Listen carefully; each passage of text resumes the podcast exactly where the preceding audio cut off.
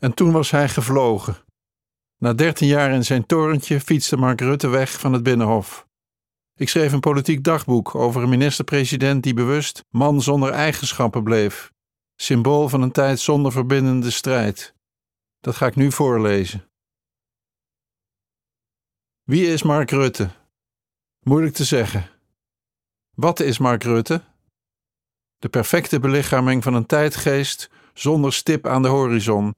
Een lang decennium waarin Nederland meer liberaal dan sociaal-democratisch of christendemocratisch was. Gewoon jezelf kunnen zijn. Dat was de slagzin waarmee de jonge leider Ed Nijpels de VVD in 1982 succesvol in de markt zette. De klassiek staatkundig gemotiveerde liberalen werden een brede volkspartij voor mensen die hun gang willen gaan, ongehinderd door overheid of wereldverbeteraars. Liberaal werd leven en laten leven. Voorjaarsvakantie, meivakantie, zomervakantie, herfstvakantie, kerstvakantie. Vliegen naar de Costa voor de prijs van een treinretour Groningen. Muziekscholen, die betaal je zelf maar. Immigranten, liever niet. Mark Rutte heeft de afgelopen 13 jaar Nijpels karwei afgemaakt, in grimmigere omstandigheden. Toen hij in 2006 op het toneel verscheen, was de boosheid al lang in de politiek geslopen.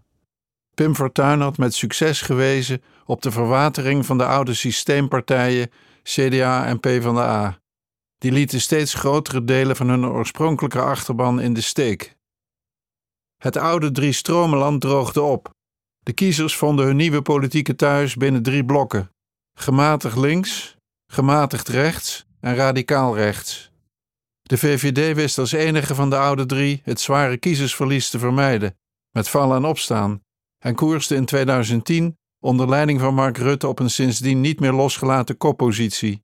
Hij werd de eerste liberale premier sinds Kort van der Linden, die het was tussen 1913 en 1918, om het liberale project vervolgens met wisselende partners verder uit te voeren. Voor een man die tot zijn spijt ooit zei geen visie te hebben, was Mark Rutte een opmerkelijk consistente roerganger. Al of niet met bezuinigingen als motief, wist hij de nieuw-liberale agenda van een kleinere, bedrijfsmatig gestuurde overheid en ruimte voor bedrijven voortvarend uit te voeren. Juist met de PvdA in het kabinet Rutte II van 2012 tot 2017 zag hij kans aanzienlijk te bezuinigen op sociale zekerheid en rijkstaken met minder geld naar de gemeente af te stoten. Stef Blok verklaarde de sociale woningbouw voltooid en verder overbodig. Henk Kamp liet Groningen flink leegpompen.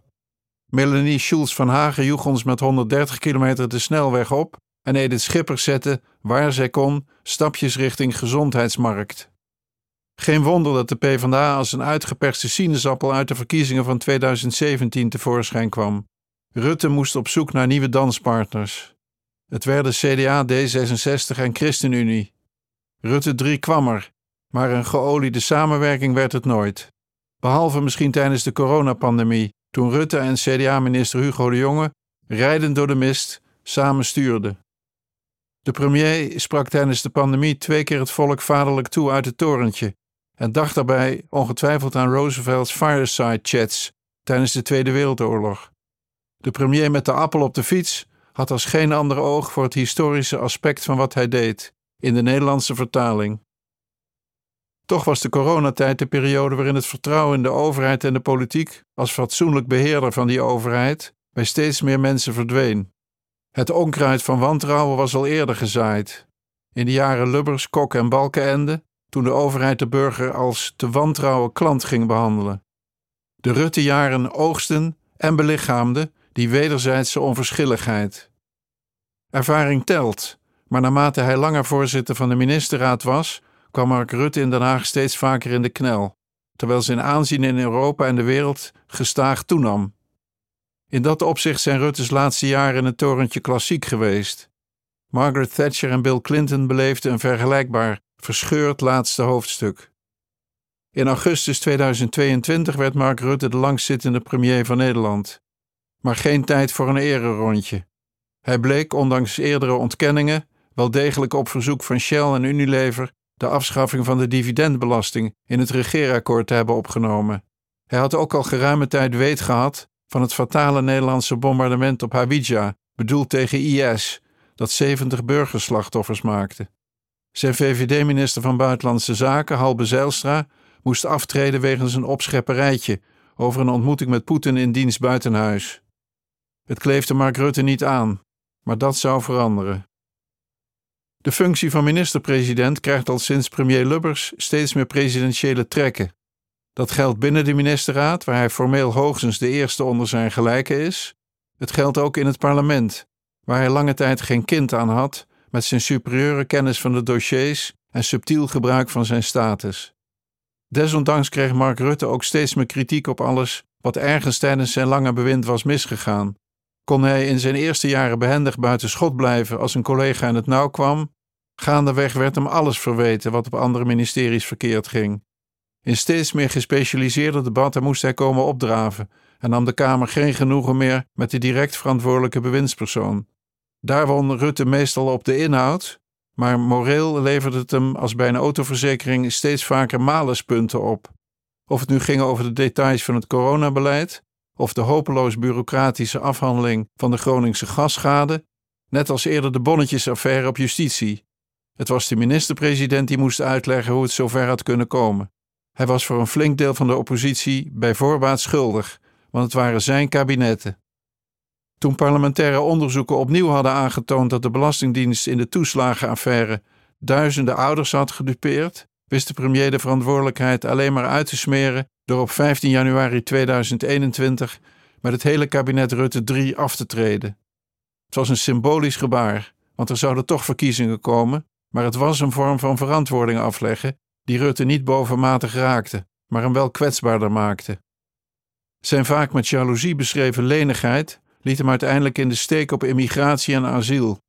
Hoewel de VVD al tien jaar de baas was over het onderwerp, werd de roep om hardere ontmoediging uit de eigen achterban zo groot dat Rutte succes beloofde waar hij zich alleen maar kon inspannen voor beperking van de instroom. Hij reisde met de nieuwe radicaal-rechtse premier Meloni van Italië naar Tunesië voor een nieuwe wachtkamerdeal, maar raakte steeds meer in tijdnood. De meestal vrij krachteloze VVD-fractie draaide hem nu de duimschroeven aan, tot het moment waarop hij van zijn coalitiepartners maatregelen eiste waarvan het maar de vraag is of die de rechtelijke toetsing kunnen doorstaan, en het kabinet knapte. De nooit opgeloste migratiecrisis is een symbool van de jaren Rutte, een resultaat van, om politieke redenen gecreëerde en zelf gevoelde angst en nonchalance. Op stel en sprong reageren op hoge immigratiecijfers door budget en personeel van het Centraal Orgaan Opvang Asielzoekers en de Immigratie- en Naturalisatiedienst uit te breiden. Om vervolgens tegen deskundig advies in snel mensen te ontslaan en gebouwen af te stoten, zodat de toestroom weer even luwt. Om vervolgens de stormbal weer te hijsen als er mensen buiten het opvangcentrum in Ter Apel moeten slapen. Die trouwens gewoon een bed hadden gekregen als de capaciteit onder de VVD-staatssecretarissen Dijkhoff en Harbers niet overhaast was afgebouwd. Migratie is en blijft een favoriet aanbeeld van de winkeliersvleugel van de VVD en het veronderstelde schild tegen de PVV en Ja 21. Een politiek thema met signaalwaarde, dat geen constante politieke aandacht kreeg. Mark Rutte heeft door schade en schande moeten ondervinden dat hij die signaalknop nooit uit het oog had mogen verliezen. Zoals hij ook uit pure noodzaak moest erkennen dat de Europese Unie meer is dan een handelsblok. Om de asielcrisis van 2015 in te tomen, speelde Rutte een belangrijke rol bij de totstandkoming van de Europese deal met Turkije. Hij zag en gebruikte de EU-hefboom om mede een nationaal probleem op te lossen.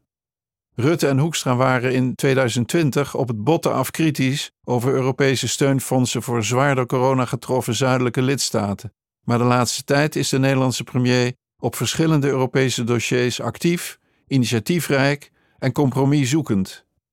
Hij erkende te zijn gedraaid en pleitte voor een geopolitiek bewuster Europa, om daar in de Oekraïneoorlog vervolgens werk van te maken. Van behendig speler op alle binnenlandse politieke schaakborden tot gerespecteerd informeel opvolger van Angela Merkel als samenbrenger van Europese standpunten. Het is een ontwikkeling die na de uittreding uit de EU van de Britten in een stroomversnelling kwam. Of deze opmerkelijke volwassenwording als staatsman nu een sollicitatieaspect heeft of niet, Mark Rutte zal er de komende dimensionaire maanden nog veel plezier aan beleven. En Nederland met hem. Want Mark Rutte houdt van het spel. Hij smult van de details en heeft bijna alles van tevoren uitgedacht of erover gelezen. Politiek is zijn vak en zijn leven. Aldoende leerde hij dat je meer bereikt naarmate je minder meningen verkondigt. Instinct heeft hij wel, blijmoedig liberaal, en dat volgt hij als een warmtezoekend projectiel. Praktisch en politiek. Het is een man van veel grappen, nooit etend in beeld, thuis in alle onderwerpen. Hij onthoudt de verjaardag van de dochter na een korte ontmoeting. Mark Rutte is gewoon de beste beroepspoliticus die Nederland sinds mensenheugenis heeft gekend. Alles klopt. En als het niet klopt, dan was het een vergissing. Het was maandag merkbaar in de Tweede Kamer. Ook zijn tegenstanders misten hem al zodra hij zijn vertrek uit de politiek had aangekondigd. Hij gaf al die jaren dat hij minister-president was toch een veilig gevoel. Een man aan het roer die rustig blijft en alles weet. Weinig mensen slagen erin hem langer dan een minuut te haten. Hij is zo charmant en menselijk dat je hem vergeeft voordat hij schuld bekent. Dat doet hij ook zo min mogelijk trouwens. Maar intussen bouwde hij systematisch aan zijn monument van een gewone man die eindbaas van het land is. Nu hij een streep heeft gezet onder zijn premierschap, is het tijd opnieuw na te gaan waar hij echt voor stond. Eigenlijk is Mark Rutte een bouwpakket. Het basisdoosje bevatte zijn middelbare schooltijd in Den Haag. Hij oefende met zijn beste vriend in interviews met de minister-president. Het eerste uitbreidingsdoosje was zijn studie geschiedenis en het lidmaatschap tot en met het voorzitterschap van de JOVD, de jongere afdeling van de VVD. Volgden de doosjes Unilever, staatssecretaris op Sociale Zaken en Onderwijs, de strijd om het VVD-leiderschap met Rita Verdonk, fractievoorzitter en een motie van wantrouwen tegen het kabinet Balkenende in 2009. En dan de duurste uitbreidingsdoos, de vrijgezel die glorieert in het premierschap. De doosjes zijn los verkrijgbaar, maar alleen in samenhang te begrijpen. Hoewel, zou hij zelf weten wat hem drijft?